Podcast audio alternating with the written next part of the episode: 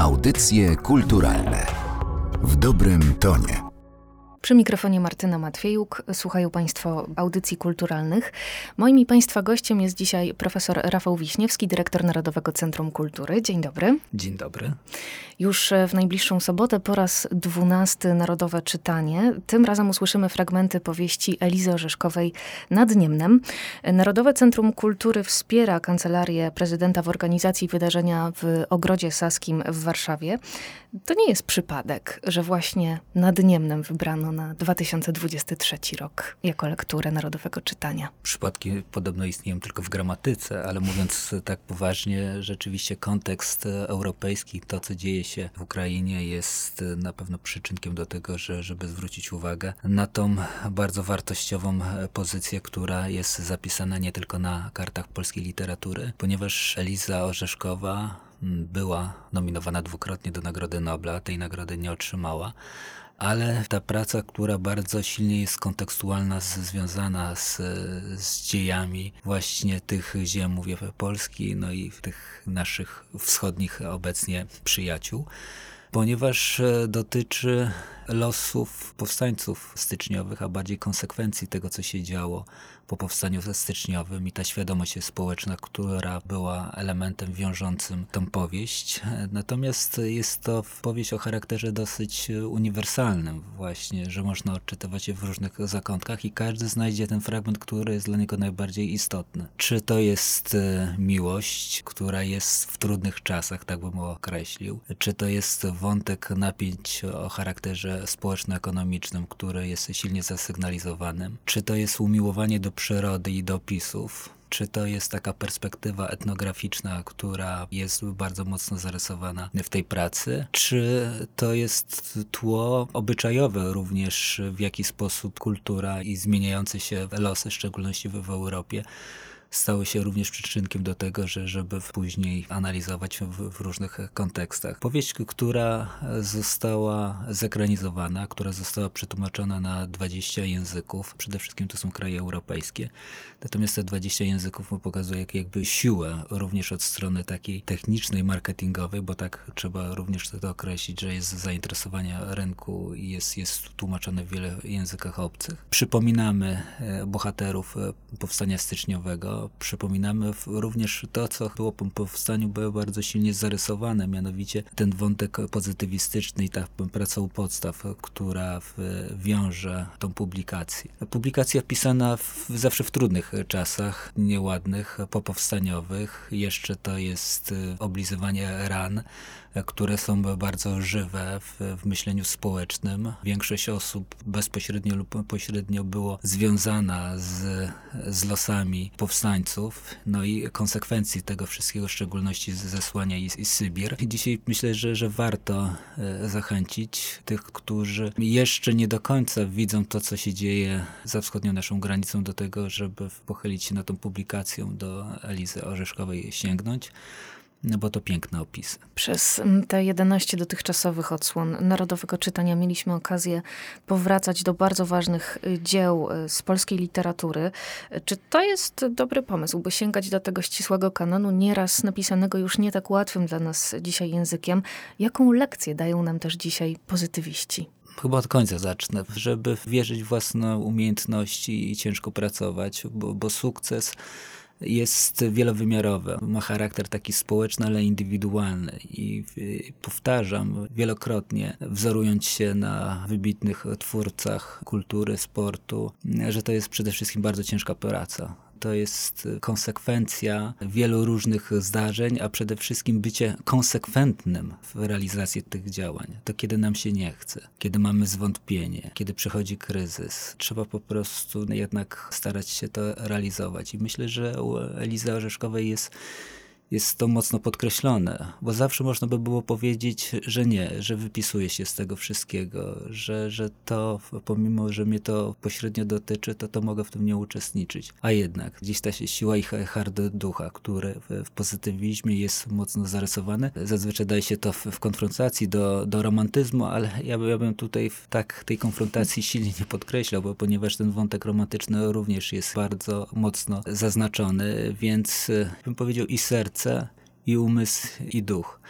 Natomiast sięgając do literatury pięknej, można powiedzieć, że to jest wymiar takich historii i kiedy sięgamy, pytamy o tożsamość, no to zawsze szukamy to na kartach literatury, która bardzo dobrze to odwzorowuje. Jaki jest współczesny w przypadku Elizy Orzeszkowej, ale nie tylko. Te 12 edycji wskazują właśnie, co było istotne, co było ważne w danym okresie, jakie elementy zostały podkreślone. Kiedy szukamy, szukamy inspiracji do własnego tworzenia, to jest bardzo przydatne, bo myślę, że Eliza Orzeszkowa, ona jest inspiracją nie tylko dla kobiet, które mogą bardzo być aktywne na rynku pracy, ale również do tego, że to jest niezależnie od płci, bym powiedział, że, że ważne jest to, żeby pokazać, że po prostu mogę, że umiem, że chcę. No i trzecią rzeczą to jest kontekst związany z naturą, chyba teraz jest bardzo się silnie jest, jest podkreślany. Coś, co jest nam dane, ale my musimy po prostu z wielkim e, szacunkiem i pietyzmem do tego po prostu podchodzić, to znaczy, żeby nie niszczyć, nie degradować do tego, co jest, co jest naturalne. Żyjący często właśnie w takich okowach plastiku albo czasami takiej fikcji, że część daje się nabrać ratując Puszczę Amazońską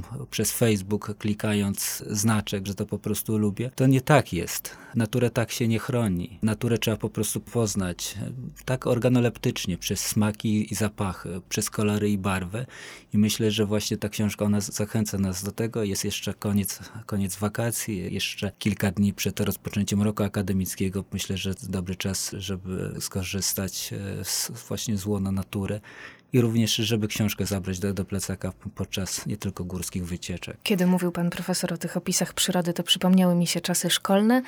No, niektórzy uczniowie trochę narzekają rzeczywiście na te opisy. Wiemy, że Eliza Orzeszkowa uwielbiała botanikę, bardzo się tym e, interesowała, ale to chyba też jest pewien znak czasów. My dzisiaj mamy te informacje tak skrótowo, szybko, bardzo głośno podawane. Chcemy wszystkiego e, dowiedzieć się tu i teraz, a może właśnie nad Niemnem będzie taką okazją, by trochę naszą uważność poćwiczyć, by, tak jak pan profesor mówił, zabrać książkę, wyjść na dwór, spojrzeć przenikliwie na ten świat.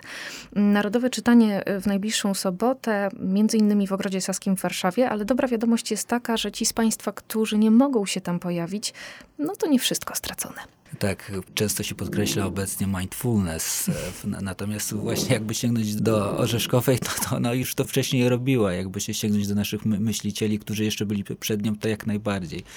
Ja lubię rzeczy takie w, w kinematografii, co jest przekadrowane, kiedy jest najazd, kiedy jest e, pokazana ta przestrzeń, która gdzieś daje chwilę do namysłu. Ale to, to myślę, że to też wymaga czasu, bo jak sobie przypomnę, jak, jak będąc młodym uczniem, to te opisy czasami wydawały mi się te takie, które bym inaczej je potraktował, ale, ale myślę, że dzisiaj totalnie inaczej do tego popatrzę, więc to jest taka książka, zresztą nie tylko ta, ten kanon, on zachęca, żeby systematycznie po latach do nich wracać, żeby jeszcze raz zmierzyć się, w jaki sposób my pamiętamy, jakie mamy wyobrażenie i często stereotypy, które są z tym związane. Ściągnąć je samemu i po prostu o tym się przekonać. A wracając do upowszechniania narodowego czytania, rzeczywiście każdy z nas może to zrobić. Ja bym chyba polecał tak najprościej. Po prostu wybrać się do czytelni czy do biblioteki razem z, z osobami, które lubimy i po prostu wspólnie przeczytać fragmenty w Elizy Orzeszkowej. Myślę, że, że to jest chyba najlepszy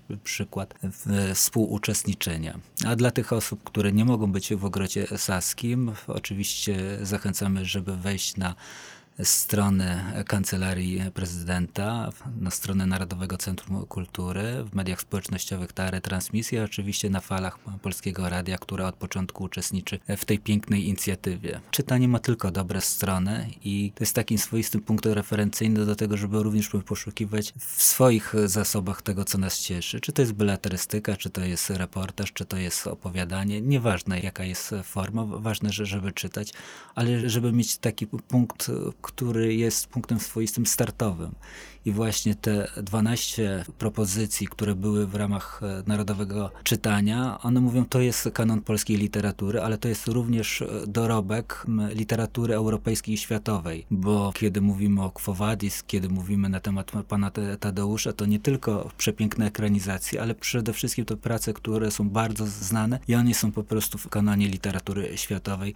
Zanim zaczniemy chwalić cudze, pochwalmy własne, ale czytając to. Nad Niemnem w interpretacji znakomitych aktorek i aktorów w Ogrodzie Saskim uroczyste czytanie rozpoczyna się w najbliższą sobotę o godzinie 11.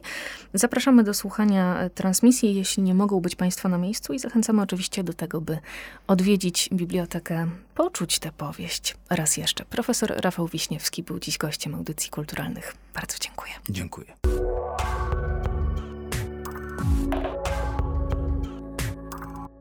W audycjach kulturalnych gościmy dr Agnieszka Bąbel z Instytutu Badań Literackich Polskiej Akademii Nauk. Dzień dobry.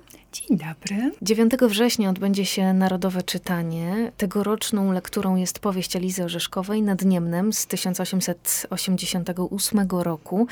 To najważniejszy utwór w karierze pisarki? Sama niewątpliwie uważała go za jeden z najważniejszych. Wręcz kiedy go ukończyła, to pisała do swojego powiernika i przyjaciela Leopolda Mejeta, który będąc jej agentem literackim w Warszawie, pilotował rozmaite jej sprawy wydawnicze, kontakty właśnie z drukarzami i z redakcjami, że z e, utworu tego jestem bardziej zadowoloną, czy też mniej niezadowoloną niż ze mhm. wszystkich innych. I bardzo jej na napisaniu tego tekstu zależało. Pisała go długo, uważała go za wartościowy i cieszyła się jego powodzeniem. On był odbierany bardzo życzliwie, można powiedzieć, od samego początku. Zanim jeszcze zaczęła pisać nad Niemnem, w liście do wspomnianego przez panią Leopolda Majeta w 1886 roku pisała. Na wsi jestem już od dwóch miesięcy. Z początku nie robiłam nic prócz oddychania pełną piersią, pogodą letnią i wiejską ciszą. Od kilku dni zabrałam się do pisania wielkiej dwutomowej powieści, która będzie miała tytuł Nad Niemnem i w której wielkie, choć może zwodnicze pokładam nadzieję. Tak właśnie pisała będąc w Miniewiczach nad Niemnem w swoich rodzinnych okolicach.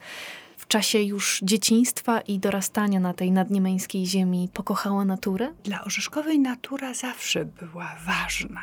W jej wspomnieniach, e, w których przewija się bardzo silnie wątek dzieciństwa, wczesnej młodości, jest bardzo dużo ogrodów, jest wspomnienie o drzewach, o kwiatach, aczkolwiek rzeczywiście te wakacje w Miniewiczach, które zaczęła spędzać od roku 1881, to było takie ukochane miejsce na ziemi. Później niestety z Miniewiczami trzeba się było rozstać ze łzami w oczach i wybrać zamiast tego Poniemuń. Niedaleko, ale jednak to już nie było to. Miniewicze rozbudziły w niej niewątpliwie pasję botaniczną, bardzo silną. Zbieranie roślin, roślinek i roślineczek, jak pisała. Sprawdzanie nazw polskich, białoruskich. Konsultowała z przyrodnikami nazwy łacińskie, układała zielniki z owych suszonych roślin. Sporządzała też najrozmaitsze upominki, wachlarze, pudełeczka, ozdabiała nimi listy, przygotowywała albumy kwiatowe, takie właśnie artystyczne widoki, kompozycje, którymi obdarowywała swoich przyjaciół, znajomych, które były wyrazem wdzięczności, które wystawiała też na aukcje dla potrzebujących. Znalazłam taką liczbę mówiącą o tym, że w Nadniemnem zawarła opisy 140 gatunków roślin. Mamy oczywiście w tej powieści też ukochane przez wszystkich uczniów opisy przyrody. Jak pani sądzi, czy to służyło budowaniu nastroju tylko, czy może coś było w tym więcej? Dla Orzeszkowej przyroda na pewno nie była sposobem zapewniania wolnego miejsca. Mhm. Nie pisała na wierszówkę, nie rozciągała akcji. Ta przyroda tam jest niesłychanie ważna. Ona jest z jednej strony tłem, a z drugiej pewnym bohaterem powieści. Tym milczącym, olbrzymim bohaterem, który pozostaje, który w pewnym sensie opiekuje się bohaterami, który stanowi, kiedy czytam w tej chwili jej listy późne, z już właściwie końcowego etapu życia, do tłumaczy, do redaktorów, również do przyjaciół, który stanowi oparcie dla człowieka i coś, co wiąże ją bardzo silnie z życiem.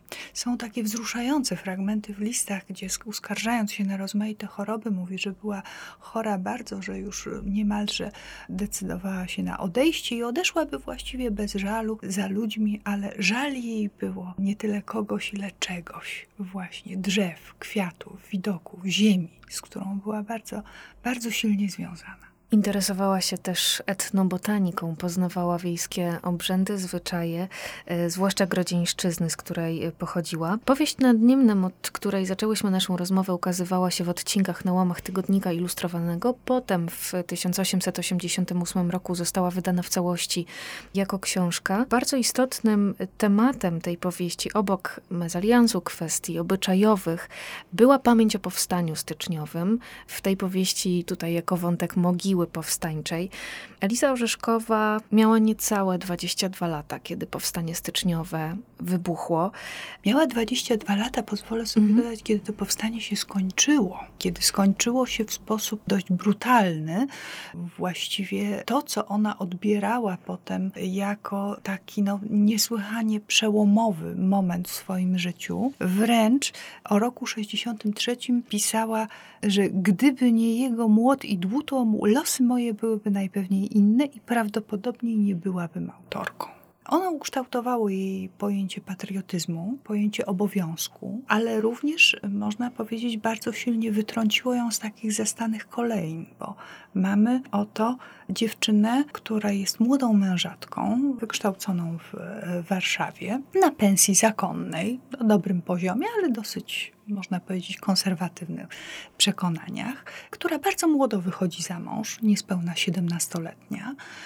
Jest wesoła, lubi zabawy, lubi żarty. Zaczyna się jednak w trakcie owego pobytu na wsi rozwijać się już intelektualnie. Zaczynają się troszkę pierwsze niesnaski z mężem, bo okazuje się, że właśnie zapatrywania, cele, jakiś format duchowy nie ten. Duża e, różnica wieku też. Duża różnica wieku, dokładnie. Kilkanaście lat. Był bez mała dwa razy od niej starszy ale też ten rok 63, w który ona się zaangażowała niesłychanie gorąco, żywiej niż Piotr Orzeszko, e, uczestniczyła w owym kobiecym legioniku, przewoziła traugutta i z majątku do majątku i szmuglowała go przez granicę, korzystając ze swojej pozycji zamożnej ziemianki. Ten rok kończy się wstrząsem. Kończy się, jak ona opisywała później z perspektywy czasu, a pod koniec życia były to wspomnienia wspomnienia dla niej bardzo żywe. No, pamiętajmy też, że ostatni właściwie z wydanych tekstów literackich, beletrystycznych, to jest Gloria Victis. Mhm. To jest ten powrót pamięcią do, do czasów młodości. I ona to opisuje jako katastrofę społeczną jako moment, kiedy będąc bardzo młodą kobietą, jest dwudziestoletnim świadkiem oglądającym na własne oczy mogiły tych, z którymi tańczyła oglądającym szubienice, domy wymiecione jakby średniowieczną zarazą. Pisze w listach prywatnych, że ta klęska była straszliwą. Kto na własne oczy jej widział, ten wyobraźnią najżywszą obrazu jej pełnego stworzyć sobie nie potrafi. Coś na kształt zawalenia się sklepienia niebieskiego albo rozłamania ziemi pod stopami. Żadna rodzina, żaden majątek, żaden węzeł społeczny, żaden stosunek towarzyski, żadne prawo i żadna nadzieja w całości nie ostały. To jest wstrząs. Traci przyjaciół, traci bliskich, w następujących latach traci majątek, przez również swoje decyzje dotyczące życia osobistego, traci w znacznym e, stopniu pozycję społeczną, bo przecież e, owe starania wokół unieważnienia małżeństwa czynią z niej w Grodnie persona non grata. No i staje w pewnym momencie przed decyzją zupełnej zmiany stylu życia, celów swojego życia, przed y, sytuacją, kiedy właśnie świat się skończył, ale żyć trzeba dalej.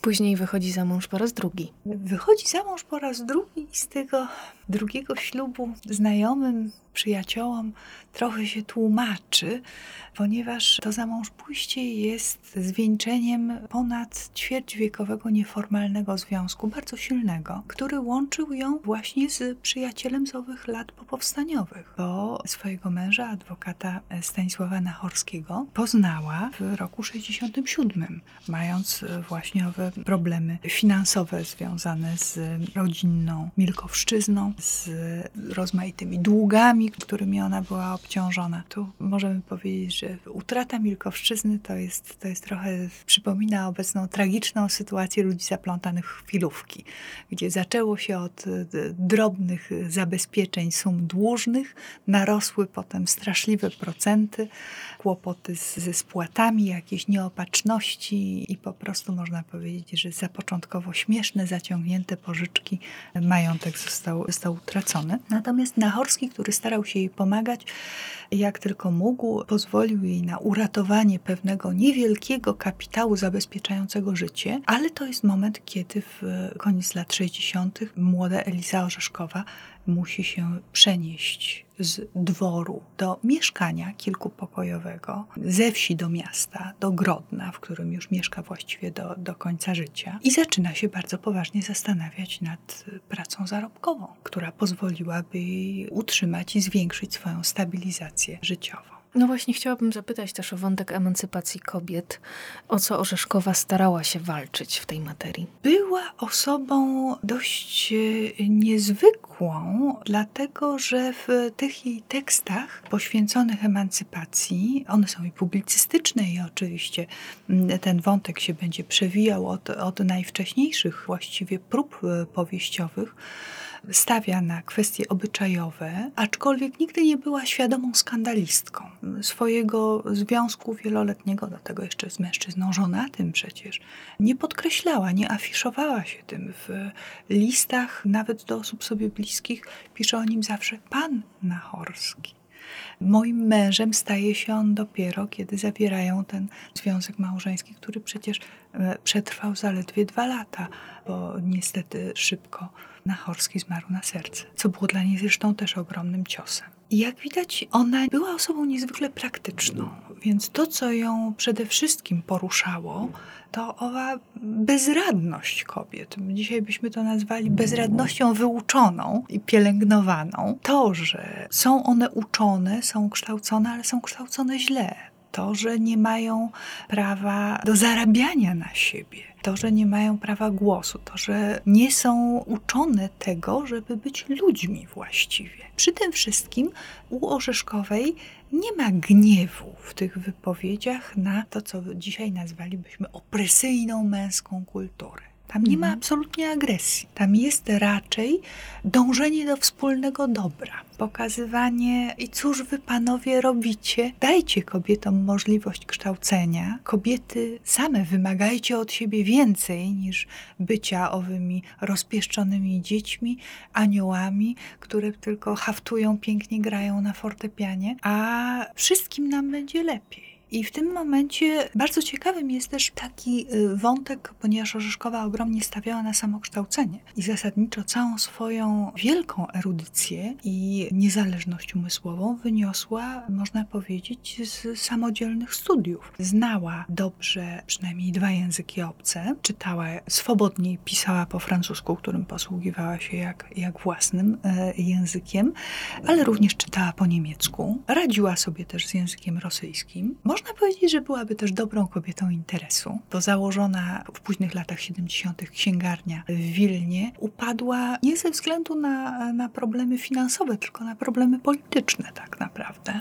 Umiała swoją pracę cenić i oceniać i właściwie w owych wątkach emancypacyjnych, które porusza, początkowo owszem jest ten motyw serca, jest motyw niedobranego małżeństwa, konieczności rozstania po to, żeby nie szukać innej miłości, tylko żeby zachować poczucie własnej godności właściwie, bo to hmm. kieruje jej bohaterkami. Później natomiast od owej sztandarowej Marty z 1873 roku romans właściwie w ogóle znika z tych kart. Dramatem staje się kwestia utrzymania się kobiety przy życiu. Więc znowu kwestie bardzo praktyczne, pragmatyczne zgoła. A równocześnie w jej publicystyce pojawia się też taki interesujący wątek, bo ona nie stara się zrywać na siłę z tradycją, wręcz przeciwnie, stara się z owej tradycji ocalić to, co warto byłoby wykorzystać, do czego warto wracać. Stwierdza, że kobieta Polka to przede wszystkim była kobieta obywatelka, więc wychowana w owych tradycjach demokracji szlacheckiej powinna rozumieć pojęcie obowiązku narodowego i powinna e, również mieć to bardzo silne poczucie patriotyzmu, wspólnoty, owo my przede wszystkim, stawianie czegoś więcej, czegoś ważniejszego, wyższego, dłużej trwającego niż własna egzystencja i własne szczęście, to jest ten taki motyw etyczny, który się u niej bardzo często pojawia. Czy przyjaźniła się z Marią Konopnicką? Wiemy, że się poznały jako dziewczynki. Tak, od czasów szkolnych. One właśnie przecież wspólnie uczyły się na, na warszawskiej pensji. Natomiast z Konopnicką była owszem silnie związana, zaprzyjaźniona, korespondowały. Można powiedzieć, że również dbały nawzajem o swoje interesy literackie. Na przykład pisząc do swojego rosyjskiego tłumacza, Orzeszkowa podsuwa pewne wiersze Konopnickiej, licząc, że ten może się zachwyci, może będzie pan chciał je przetłumaczyć, drukować. Myślę, że Maria Konopnicka byłaby tym zachwycona. Mhm. Na pewno zabiegała również e, o pewne sprawy przyjaciółki, tak jak choćby wielka kampania, którą rozwinęła korespondencyjna w związku ze, ze zbieraniem funduszy narodowych na dworek dla poetki w Żarnowcu. To właśnie Eliza Orzeszkowa działała w ramach tego. Więc na pewno przez e, bardzo wojujące feministki początku XX e, wieku, obie panie były postrzegane jako no, takie trochę przebrzmiałe, konserwatywne, ale to jest chyba e, los wszystkich działaczy jakiegoś ugrupowania, kiedy przychodzi nowe pokolenie i stwierdza, że ci, ci starsi są po prostu kulami u nogi. Natomiast Orzeszkowa była wobec ludzi też bardzo lojalna, życzliwa, o bardzo wielu dbała i bardzo się angażowała w pomoc i tym, których znała i ceniła i tych, którzy się do niej zwracali, i po prostu też tych, których spotkało nieszczęście, no tak jak choćby w czasie owego wielkiego pożaru Grodna w roku 85 wykorzystywała swoją dość silną pozycję jako pisarki. Czy mówiąc dzisiejszym językiem, moglibyśmy ją nazwać celebrytką swoich czasów? Na pewno nie miała w sobie czegoś takiego jak Henryk Sienkiewicz, który e, lubił i umiał się reklamować. Hmm, czy to dlatego on e, ostatecznie dostał Nobla? E, może w jakimś stopniu tak, bo e, Orzeszkowa, choć dbała o swoje interesy, zarazem na przykład uważała za coś niestosownego reklamowanie swoich utworów w prasie. Natomiast w przypadku Nobla Sienkiewicza zaważyła tam opinia przede wszystkim o pewnych wartościach bardziej uniwersalnych, plastyczności opisu i również poczuciu humoru. Mhm. Opinia pisana przez e, mężczyznę zresztą zresztą, dodam, rzeczywiście w twórczości orzeszkowej owego poczucia humoru właściwie nie ma. To jest twórczość poważna, to jest twórczość, w której zawsze dźwięczy to słowo obowiązek. W życiu ona była inna, była bardzo towarzyska. Lubiła żarty, bardzo lubiła zwierzęta. Była właśnie blisko związana z przyrodą, choć przeżywała również chwile depresyjne, smutne, przygnębienie, choroby. Ratowała się papierosami, to był jeden z jej, z jej nałogów. Przeżywała nieszczęśliwe zaangażowania uczuciowe, ale właśnie ludzi lubiła autentycznie. Natomiast czy była celebrytką? Raczej powiedziałabym, była autorytetem w tym zapomnianym trochę tego słowa znaczeniu, choć ciągle widząc ją na tym pomniku, zapominamy, że to osoba, której przez bardzo długi czas w tym tradycyjnym, nieco skostniałym grodnie w niektórych domach się nie przyjmowało jako właśnie kogoś, kto unieważnił swoje małżeństwo, nie ruszył za mężem zesłanym w głąb Rosji.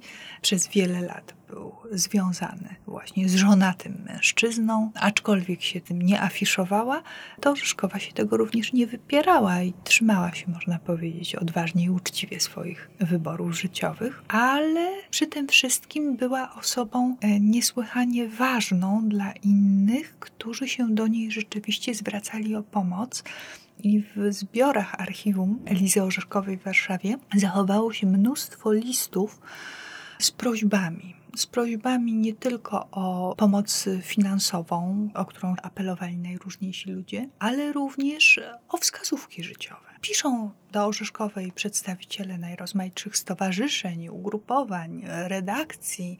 Piszą ludzie prywatni, przyciśnięci biedą czy nieszczęściem, ale piszą też na przykład kobiety, które e, pytają, co powinny czytać, jak się kształcić co robić ze swoim życiem. Ona w jakiś sposób e, w tę rolę weszła, starała się ją bardzo rzetelnie wykonywać, na listy odpisywała. Między innymi dlatego była jej też potrzebna pomoc sekretarki, z którą się zresztą bardzo zaprzyjaźniła, wychowanek, których miała kilka w owej korespondencji.